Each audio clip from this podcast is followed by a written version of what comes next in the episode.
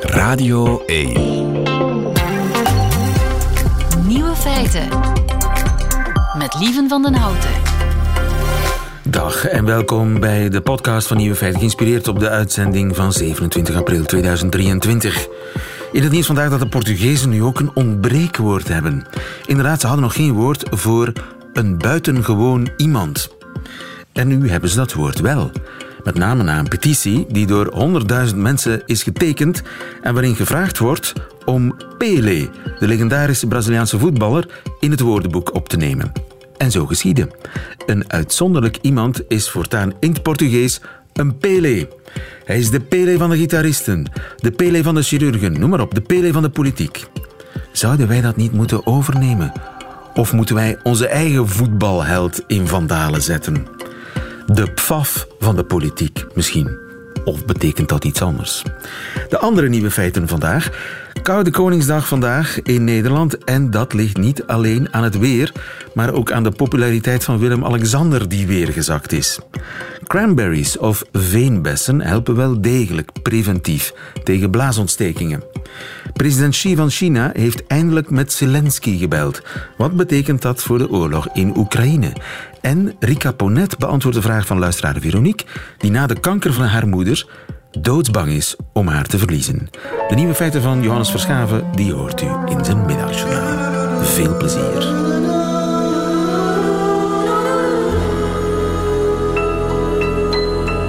Nieuwe feiten. Het is een koude Koningsdag vandaag in Nederland en dat ligt niet alleen aan het weer. Jode Poorter, goedemiddag. Goedemiddag. Je bent Koningshuiskenner. Eh, Het ligt niet aan het weer, het is koud, eh, maar het ligt ook aan een nogal kil rapport dat koning Willem-Alexander gekregen heeft van zijn volk. De NOS heeft de Nederlanders laten ondervragen over zijn koning. En de eindscore is 65 procent. Ja, Mager, hè? dat is, toch, dat is mager. Dat is nog altijd wel geslaagd.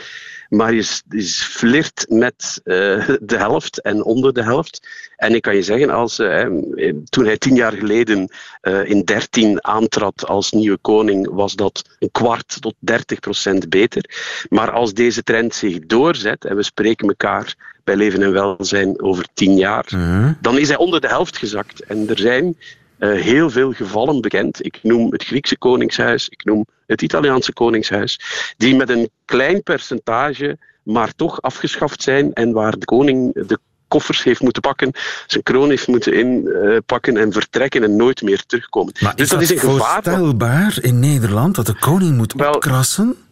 In, in heel veel, in heel kijk, in, in de, het feestgedruis van de oranje hoedjes en schaaltjes vandaag in Rotterdam, waar eh, de, het epicentrum van Koningsdag ligt vandaag, zal je niet vermoeden dat het zo is. Maar als je kijkt naar eh, de harde resultaten van de peilingen, dan zie je dat die populariteit één niet alleen teruggegaan is, maar zeer kwetsbaar is. En in alle landen, in alle voormalige koninkrijken, als je even terugflitst naar het begin van de vorige eeuw, dan had je twee handen nodig om de koninkrijken in Europa op te kunnen tellen. En nu kan je dat makkelijk met één hand doen. En als je ziet wat koning Felipe in Spanje te doorstaan, doorstaan heeft de laatste tijd met een losgeslagen vader en losgeslagen delen van zijn land, als je ziet wat in het Verenigd Koninkrijk, en misschien is het woord Verenigd Koninkrijk al gedateerd, vooral dat die term verenigd, Ja. wat Charles daar te stellen krijgt met een nieuwe premier in Schotland die een referendum wil invoeren om in ieder geval Schotland af te scheuren van het Verenigd Koninkrijk. Heel veel koninkrijken en vorsten zijn onder bedreiging op dit moment om diverse redenen. Een van de belangrijkste redenen is dat het natuurlijk een middeleeuws of nog veel ouder systeem is dat halstarrig probeert vandaag te overleven. Maar is er geen verschil tussen populariteit en gezag? Ja, daar is het zeker. En je hebt het alle twee nodig. En ik heb een, een aantal maanden geleden een boekje geschreven waar ik een aantal vorstinnen, ook de Nederlandse vorstinnen, met name Beatrix, onder de loep nam. En dan zie je dat Beatrix eh, in haar regeertijd, de moeder van Willem-Alexander, eh, heel hoog scoorde op eh, gezag, betrouwbaarheid. Ze werd de, de CEO van de BV Nederland genoemd. En dat heeft een aantal jaren geduurd. En ook daar zijn mensen zich van gaan onthechten. Ze was goed, ze was zeer bekwaam, maar men voelde er niets bij. En het hele vreemde in haar parcours parcours is dat door twee gevallen van persoonlijk verlies, met name het overlijden van haar zoon en het overlijden van haar man, en hoe ze daarop gereageerd heeft en de, de, de emotie die ze daarop. waardoor haar populariteit enorm gestegen is en in de buurt gekomen is van het respect wat de mensen voor haar werk hadden. En een zo'n koninklijke functie, een staatshoofd, uh, dat erfelijk is, dat moeten, mensen moeten dat respecteren, maar mensen moeten, daar ook, moeten dat ook willen en daarvan houden. En die balans tussen die twee, dat is een zeer moeilijke oefening. Ja, en uh, het koningschap dat is eigenlijk niet meteen een, een zaak van hard werken, maar een zaak van zijn eigenlijk. Je moet iemand zijn. Je moet iemand zijn en je moet de dingen. Hè, eh, wat vaak gezegd wordt, als je een goede manager, die moet eh, de, juist, de, de dingen juist doen. En een goede leider, en een koning is dat ook, die moet de juiste dingen doen. En Willem-Alexander, iemand die, zoals je zegt, hard werkt en die heeft een overvol agenda en die wil laten zien dat hij heel veel doet. Maar Misschien moet hij minder dingen doen, maar dingen doen die meer resoneren bij de mensen, waar mensen zich iets kunnen bij voorstellen en waar ze de waarde en het belang van kunnen inzien.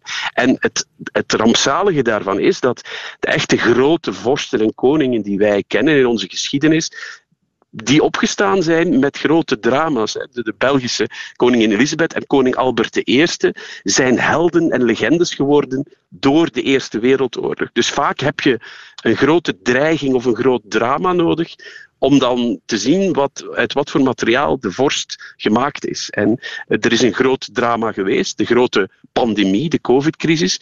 En dan bleek dat de koning in Nederland niet echt uit het geschikte materiaal gemaakt was. Hij ging gewoon met vakantie. Ja, die ging met vakantie, die kocht een speedboot van 2 miljoen. Die heeft allerlei dingen gedaan waaruit blijkt dat zijn gevoel met het volk en met wat er echt leeft onder de mensen, dat hij dat onvoldoende aanvoelt. En de mensen hebben dat gemerkt. En hij heeft dan ook nog publieke excuses gedaan die niet oprecht, oprecht leken. Ik zeg wel duidelijk leken, want ik weet niet wat die mensen hun intentie of hun bedoeling was, maar het leek in ieder geval niet of ze meenden. En die fouten zijn gemaakt en in een zeer kwetsbare tijd waar mensen uh, vochten met opsluiting en daarna zijn gaan vechten met hun elektriciteitsrekeningen. En als de, zelfs al is de vorst steenrijk en leeft op een kasteel en rijdt in een gouden koets, als hij dat niet heel goed resoneert, aanvoelt en ja, daar iets mee doet, dat hij zijn begrip en zijn compassie laat blijken, dan gaat dat mis en dan krijg je cijfers zoals je vandaag krijgt uh, voor uh, Willem-Alexander. En Maxima doet niet veel beter, hè? Die Maxima doet altijd. Ja, Maxima is lange tijd het geheim, het geheim wapen geweest van Willem-Alexander, tot zij het geheim wapen werd dat hem in de voet schoot. Want zij is natuurlijk ook medeplichtig aan die reeks van uh, missers en fouten die ze de afgelopen tijd gemaakt hebben. En zij is deelgenoot geweest van de vakanties naar Griekenland en al dat soort dingen. Dus een aantal van de grote verdiensten van populariteit van dat koningshuis mag je gerust op haar rekening schrijven. Maar ze is er ook bij als fouten gemaakt worden en ze zou daar ook in een misschien meer sturende of kritische rol kunnen spelen in te zeggen van Alex, uh, misschien moeten we dat niet doen, misschien moeten we niet zo'n dure uitgave doen op dit moment of daar niet naartoe gaan. Hij ziet er ook, met permissie gezegd, heel gewoon uit. Hè? Hij wil dat ook uitstralen, ik ben benaderbaar, ik ben een man van het volk. Is dat fout? Dat is niet fout, maar ook daar, dat is een moeilijke balans. Je merkt, en, en ik ben nu met de voorbereidingen bezig van uh, de kroning van uh, Charles, volgende week zaterdag. Je gaat hem kronen. Dat, ik ga hem niet kronen. Nee, nee ik ga hem niet kronen. Zo maar ik ga het eventjes, maar Nee, ik ga een woordje commentaar voorzien en ik heb al uh, beelden en, en, en plannen en alles al ingekeken. En in weerwil van wat er gezegd wordt, wordt het een heel traditionele, sprookjesachtige, ouderwetse aangelegenheid die zeer visueel zal zijn. En het is balans in van het sprookjesachtige en het kermisachtige en het balans van wat wat voor waarde heeft het voor ons vandaag? Als je die balans heel goed vindt, en de Queen had die bijvoorbeeld uitstekend gevonden, dan kan je dat soort instellingen nog een tijdje in de 21ste eeuw uh, voortzetten. Maar, maar het heeft ook sprookje nodig. Een sprookjesfactor heeft hij nodig en heeft een paar kansen gemist om die sprookjesfactor uh, ja, aan te zwengelen. Eh, misschien dat hij zich herpakt, dat zou nog kunnen, want als hij dat niet doet, dan ziet het er somber uit voor de Oranjes. Ja, en, en hij vertelde, naar aanleiding van zijn verjaardag, heeft hij een podcastserie gemaakt uh, waarin hij vertelde dat hij in de COVID voor zijn camera ging zitten met zijn uh, das en uh, jasje van zijn kostuum en daaronder zijn trainingspak en zijn pantoffels. Kijk, en dat is een beeld, hoe charmant het ook is, maar wat weinig Nederlanders van hun staatshoofd Niet willen doen. zich voor het netvlies halen. Maar als hij dat vertelt, dan, dan zie je dat wel verschijnen. En ik kan hem nooit meer terugzien zonder, als ik alleen maar zijn bovenkant zie, zonder die pantoffels en die trainingsbroek. En dat is, dat is iets heel menselijk. Maar mm, blijkbaar wil eh, een volk toch van zijn koningshuis wat meer allure en wat meer, ehm, wat meer grandioze dingen zien dan. De, en de- balans daarin te vinden, dat is de sleutel, denk ik, voor een blijvend succes. Ja, hij heeft een, eh, een goede adviseur nodig, hè. dat is duidelijk. Jo de Porter, ik, ik zeg het maar. Koningshuiskenner, dankjewel. Goedemiddag. Een heel goede middag. Vraag het aan Rika.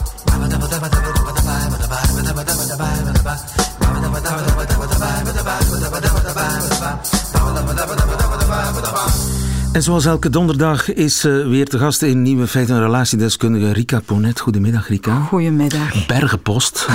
De bergen groeien. Ja. We moeten heel veel luisteraars teleurstellen die we niet onmiddellijk kunnen beantwoorden. De vraag die ze stellen aan Rika Ponet. Maar eh, vandaag pikken we eruit Veronique. Ja. Veronique schrijft, beste Rika, ik ben een trouwe luisteraar van jullie programma en de bijhorende podcast. Zou het mogelijk zijn? Anderhalf jaar geleden kreeg mijn moeder de diagnose dat ze een kankertumor moest laten weghalen. Dat is op zich goed verlopen. En de dokters spreken van zeer gunstige prognoses. Maar toch is er sindsdien een gigantische angst ontstaan om een van mijn ouders te verliezen.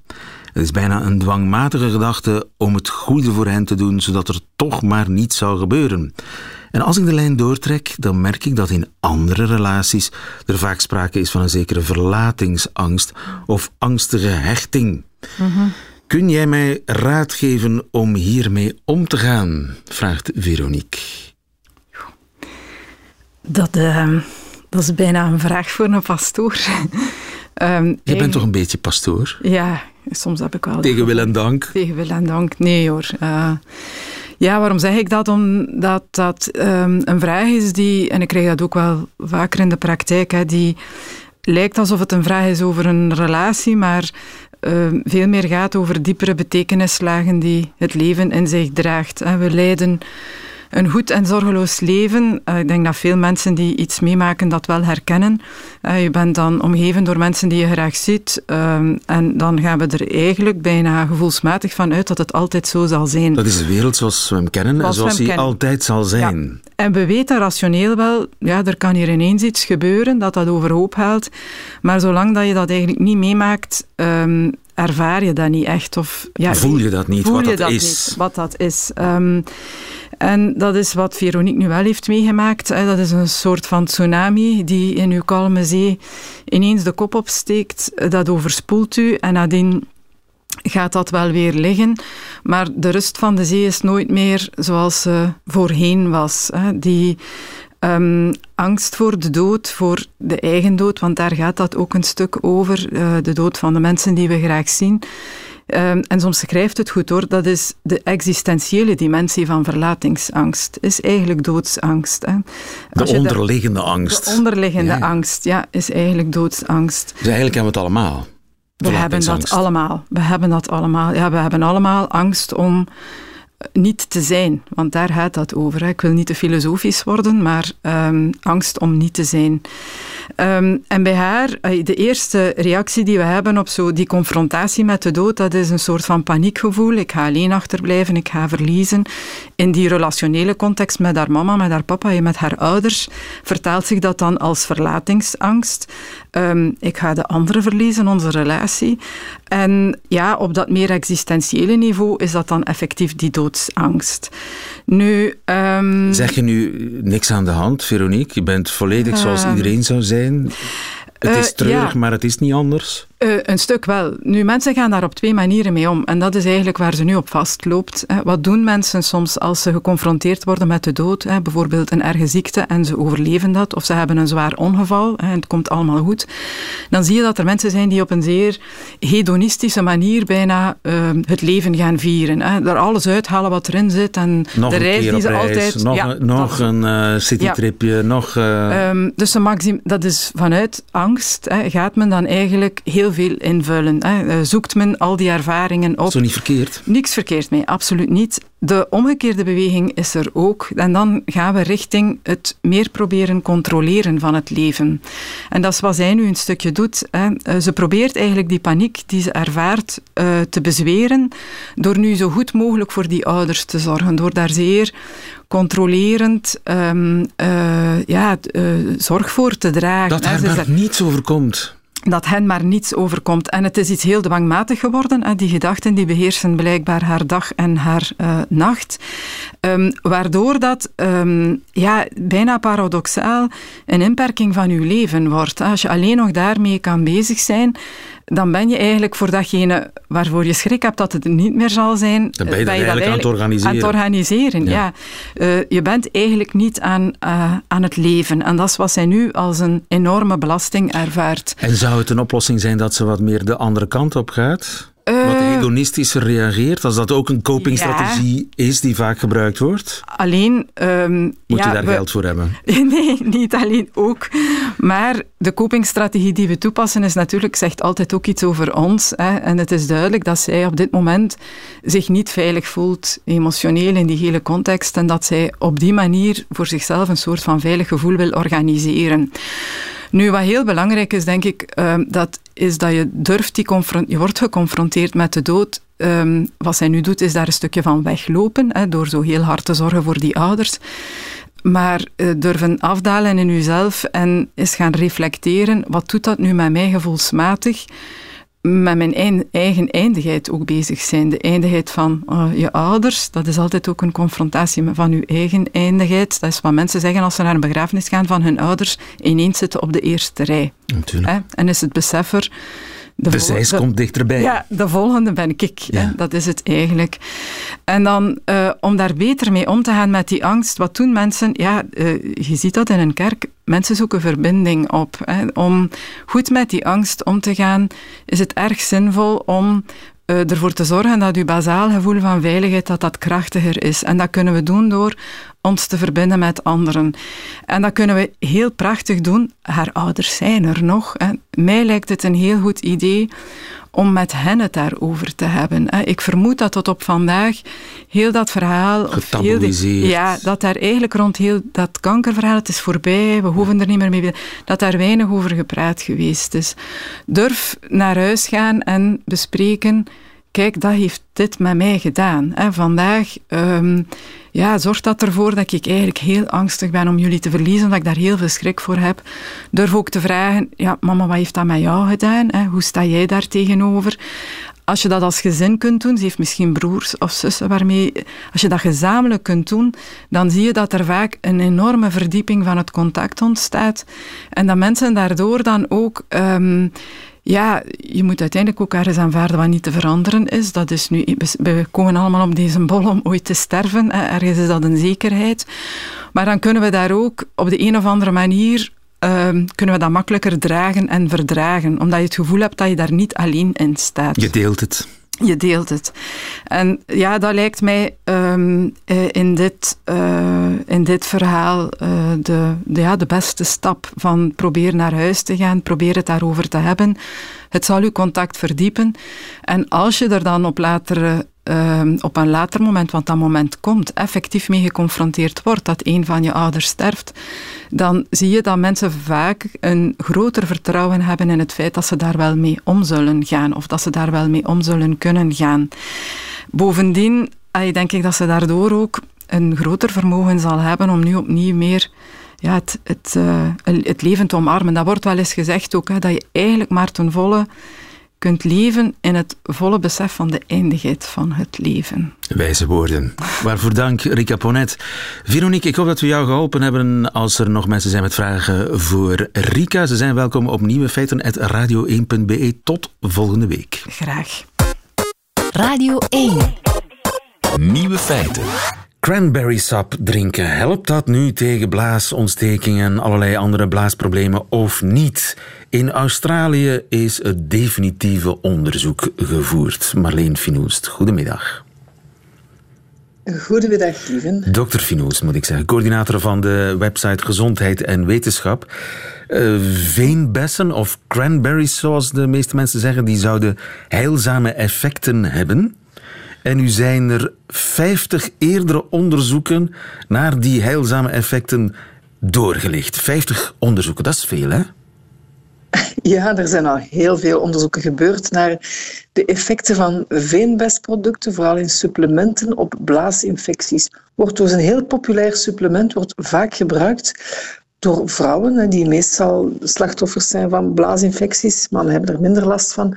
En wat blijkt nu uit die studie, dat is die hele grote overzichtsstudie van Cochrane, dat uh, die supplementen op basis van veenbessen, cranberries, blaasinfecties helpen voorkomen. Niet genezen, wel voorkomen. Dus je kan vrouwen die, die, die minstens drie dergelijke infecties per jaar hebben, die, en die elke dag van die supplementen slikken of veenbessensap drinken, die hebben dan minder blaasinfecties.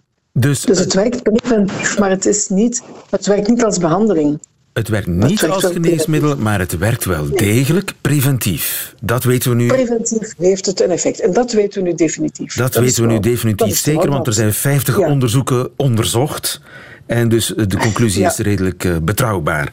Nu, waarom komen blaasontstekingen zoveel vaker voor bij vrouwen dan bij mannen? Ha, omdat ze een kortere plasbuis hebben. En omdat uh, het zijn heel vaak bacteriën die uit de darm migreren via de vagina in de blaas zo opstijgen en een blaasinfectie geven.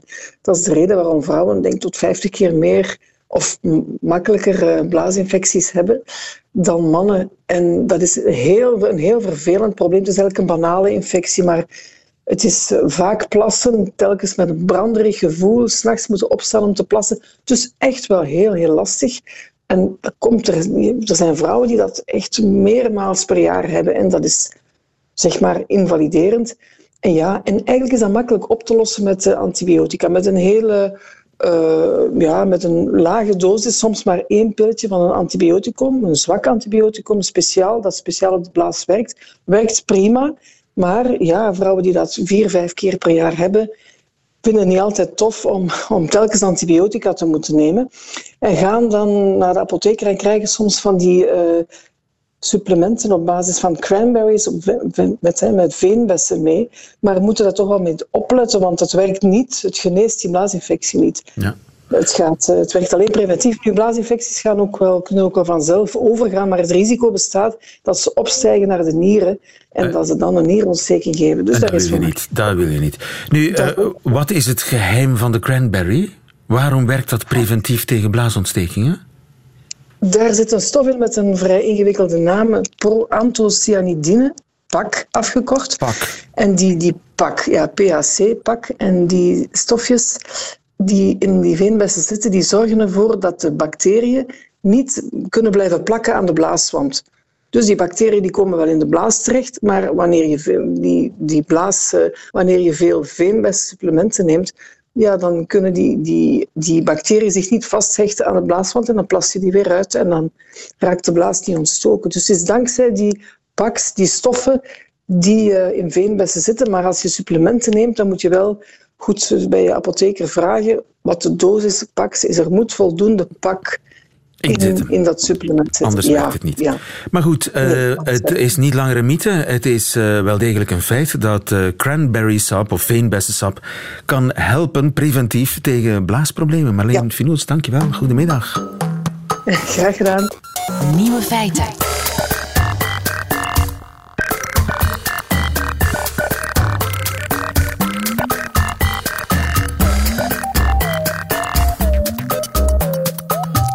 Ze hebben met elkaar gebeld gisteren, de presidenten van China en Oekraïne. En dat is een grote gebeurtenis. Jonathan Holslag, goedemiddag.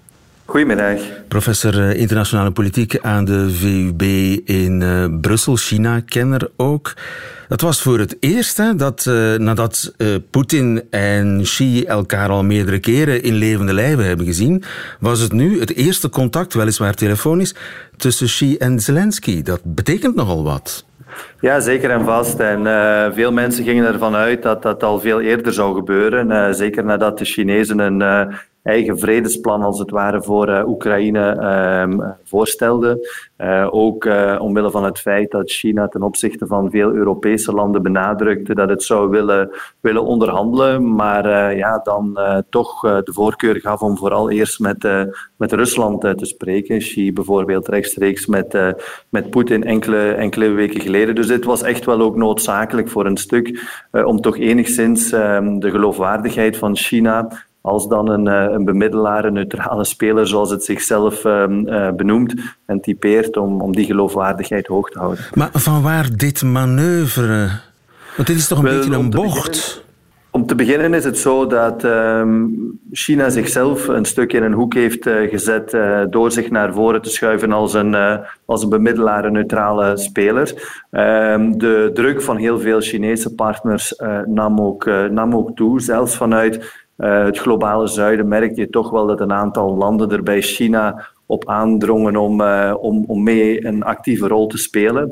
En dan ten derde ook de Europese landen, uh, onder andere tijdens het gesprek uh, tussen Xi en Macron recent ter sprake gekomen, hebben ook gesteld dat ja, als China effectief um, die, die rol wil vervullen, dat het hoog tijd is dat, het, um, dat Xi ook met, met Zelensky zou gaan, gaan praten. Dus al die zaken samen hebben ertoe geleid dat dan die conversatie heeft plaatsgevonden. Ja, en Joe Biden, wat vindt die daarvan? Die is blij nu dat hij het gedaan heeft. Um, ik denk voor de, voor de Amerikanen dat dit uh, natuurlijk een stuk, uh, een stuk moeilijk ligt. Hè. De Amerikanen uh, ja, gaan er nogal prat op dat zij Oekraïne nu sinds het begin hebben, hebben gesteund. En voor hun is het natuurlijk, of zou het lastig zijn om vast te stellen dat China met de pluimen zou gaan, gaan lopen als, als, als bemiddelaar. Um, nu moet er natuurlijk nog heel veel water door de zee vloeien alvorens China echt een, een actieve rol zou, zou kunnen gaan spelen. Zelensky heeft in zijn onderhoud ook gewoon heel duidelijk gemaakt, zoals hij dat altijd gedaan heeft, dat uh, de Oekraïnse positie eigenlijk helemaal nog niet, uh, nog niet veranderd is en dat een voorwaarde om te beginnen onderhandelen uh, erin bestaat dat ehm, Rusland gewoon al het gebied, inclusief de, Krim, de Krim, teruggeeft. Dus ik denk dit is een, dit is een opening, maar er moet echt wel nog heel veel gebeuren alvorens de Chinezen hier een doorbraak gaan kunnen, kunnen forceren. Ja, en is Poetin blij met dit manoeuvre? Ik denk dat het op zich voor, uh, voor hem niet zo heel veel uitmaakt, omwille van het feit dat uh, Xi natuurlijk veel meer um, uh, prestige aan hem heeft geschonken door het recente bezoek aan Moskou en de verschillende langdurige conversaties met Poetin één op één, dus tussen, tussen, de twee, tussen de twee leiders. en China, ja, tussen de lijnen door, blijft toch ook nog altijd vooral heel erg kritisch voor de NAVO. Uh, en het Westen, hè, ook um, de, de, de, persconferentie rondom deze, de, deze de telefoongesprek, uh, benadrukte dat nog eens. Hè, dat, uh, dat het Westen zelf geen olie op het vuur mag, mag gooien. En, en, en, dat is natuurlijk in bedekte termen vooral kritiek aan het adres van, van Joe Biden en ja. van de Verenigde Staten. Maar wat is dit nu? Is dit een rondje voor de bühne? Um, ik denk en blijf erbij dat uh, uiteindelijk de ruimte tot onderhandelingen vooral bepaald zal worden door het, um, het effect van het voorjaarsoffensief van de Oekraïners. Uh, we zien sowieso dat uh, de Russen na hun uh, zeer schamele voorjaarsoffensief of winteroffensief zich dieper en dieper aan het, aan het ingraven zijn. Nu zal Oekraïne proberen het momentum voor zich te winnen en afhankelijk van de uitkomst daarvan um, ja, zullen de twee partijen toch een stuk een, een punt van uitputting naderen, waardoor ze um, toch voor een dat, waardoor ze toch zullen moeten gaan uh, aan de onderhandelingstafel uh, schuiven. Maar dat is wellicht voor deze zomer, late, uh, late zomer. En, en dat zou een momentum zijn dat China naar zijn hand kan zetten voor een stuk. En, en ik vermoed ook dat dat het scenario is waar, waar, waar China van uitgaat. Nu, een aantal, nu een aantal openingen creëren, maar dan afwachten ehm, hoe, het, hoe het conflict ehm, de komende weken, de komende maanden zal, zal evolueren. Ja, want de Chinezen hebben toch stilaan genoeg van deze oorlog. Tja, uh, ja en nee. het is natuurlijk iets wat, wat, wat, wat een diplomatieke stuk speelruimte ontneemt. Uh, maar anderzijds um, is het ook niet uh, van, een, van een erg schadelijke um, aard voor, uh, voor China. Economisch bijvoorbeeld is de impact beperkt en uit energiemarkt ehm, halen ze zelfs een aantal voordelen. Het feit dat de Amerikanen nu toch voor een stuk de aandacht ook moeten vestigen op Europa strategisch voor, hem, voor hen is ook niet meteen een, een kwalijke ja. zaak. Um, dus ik denk dat ja, de, de, de, de Chinezen op zich niet meteen de partij zijn um, die er het meeste belang hebben dat dit uh, conflict um, uh, is begonnen in eerste instantie, maar ook niet noodzakelijk dat het conflict heel snel uh, beëindigd wordt. En dat is iets wat Chinese experts en, en, en, en politicologen of strategen heel vaak ook benadrukken. Dit is in eerste instantie een Europees conflict, een conflict ook tussen, tussen Oekraïne en en Rusland. Ehm, en wij zullen proberen een stukje onze, onze rol op te nemen als, als bemiddelaar. Maar ehm, ja, de, de, de hoofdrol die ligt toch uh, elders uh, vanuit het standpunt van Peking. Ja, en voor die onderhandelingen is het nog te vroeg, begrijp ik. Eerst uh, moeten de wapens nog spreken. Helaas, het is niet anders. Dankjewel, Jonathan Holslag. Goedemiddag. Met plezier. Nieuwe feiten. Radio 1. Ziezo, en dat waren ze meteen allemaal, de nieuwe feiten van 27 april 2023, behalve die van Johannes Verschaven, want die krijgt u nu in zijn middagjournaal. Feiten. Middagjournaal.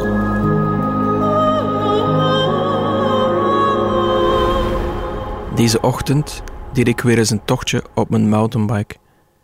Ik woon in Gent, dus zoveel mountains zijn hier wel niet. Als je niet om half zes morgens de trein naar Eupen neemt, is de Gent-Bruggebrug zowat het hoogtepunt. Hoewel, hoewel. Het is op zich een waar avontuur van halsbrekendheid, om je een weg te banen tussen Vlaanderens lintbebouwd landschap. Een lappendeken waar je als mountainbiker de wildernis in wordt gestuurd. Een wildernis die zich dan toch vooral afspeelt in de stiksels tussen de lappen in de restjes en de speeches. Ik noem het Mountainbike in Vlaanderen. Klinkt als een YouTube-kanaal en ja, ik, ik geef live commentaar terwijl ik Mountainbike in Vlaanderen. Verschaven, dames en heren, murpt zich tussen de betonnen afscheiding met geelblauwe korstmossen van de familie Janssens en de cascade van buksussen van de De Smets. En oh, hopelijk belandt hij niet in de prikkeldraad door die afstormende blafhond. Het nauwe paadje tussen twee percelen spuwt me uit op de stoep waar Dirk zijn auto wast op zondag en waar de pelouses straks staan. Mountainbike in Vlaanderen, dames en heren. Wat verderop vind ik toch een stuk wildgroeiende restruimte tussen de vaart in Melle en de ring rond Gent. Een 20 meter brede hellende strook tussen het fijn stof van zoevende auto's waarbij de GPS-kijkende mens geen benul heeft van wie zich hier, op dit lapje wildernis, in het zweet werkt. Wie hier de hartslag in de lucht jaagt over een heuveltje van twee meter en zich als Rocky Balboa op de trappen hijst en uitkraamt: Mountainbike in Vlaanderen, jawel, ongelooflijk, dames en heren. Ja, en ook al rij ik niet door eindeloze bossen met wegspringende herten, over hellingen waar bomen zich schrap zetten, op 10 centimeter dunne richels tussen een afgrond en een rotspartij vol slangen, toch kom ik met een bloeddoorlopen, wazige kop terug. In dat stomme pakje, leeg en voldaan.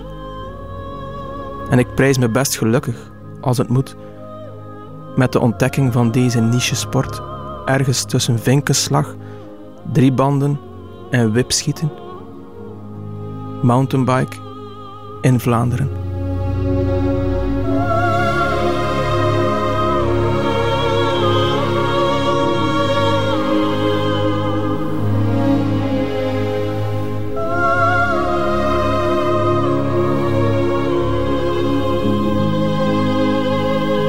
Middagjournaal met Johannes Verschaven. Einde van deze podcast. Hoort u liever de volledige nieuwe feiten met de muziek erbij? Dat kan natuurlijk live elke werkdag tussen 12 en 1 op Radio 1. Of on demand via de app of website van Radio 1. Tot een volgende keer.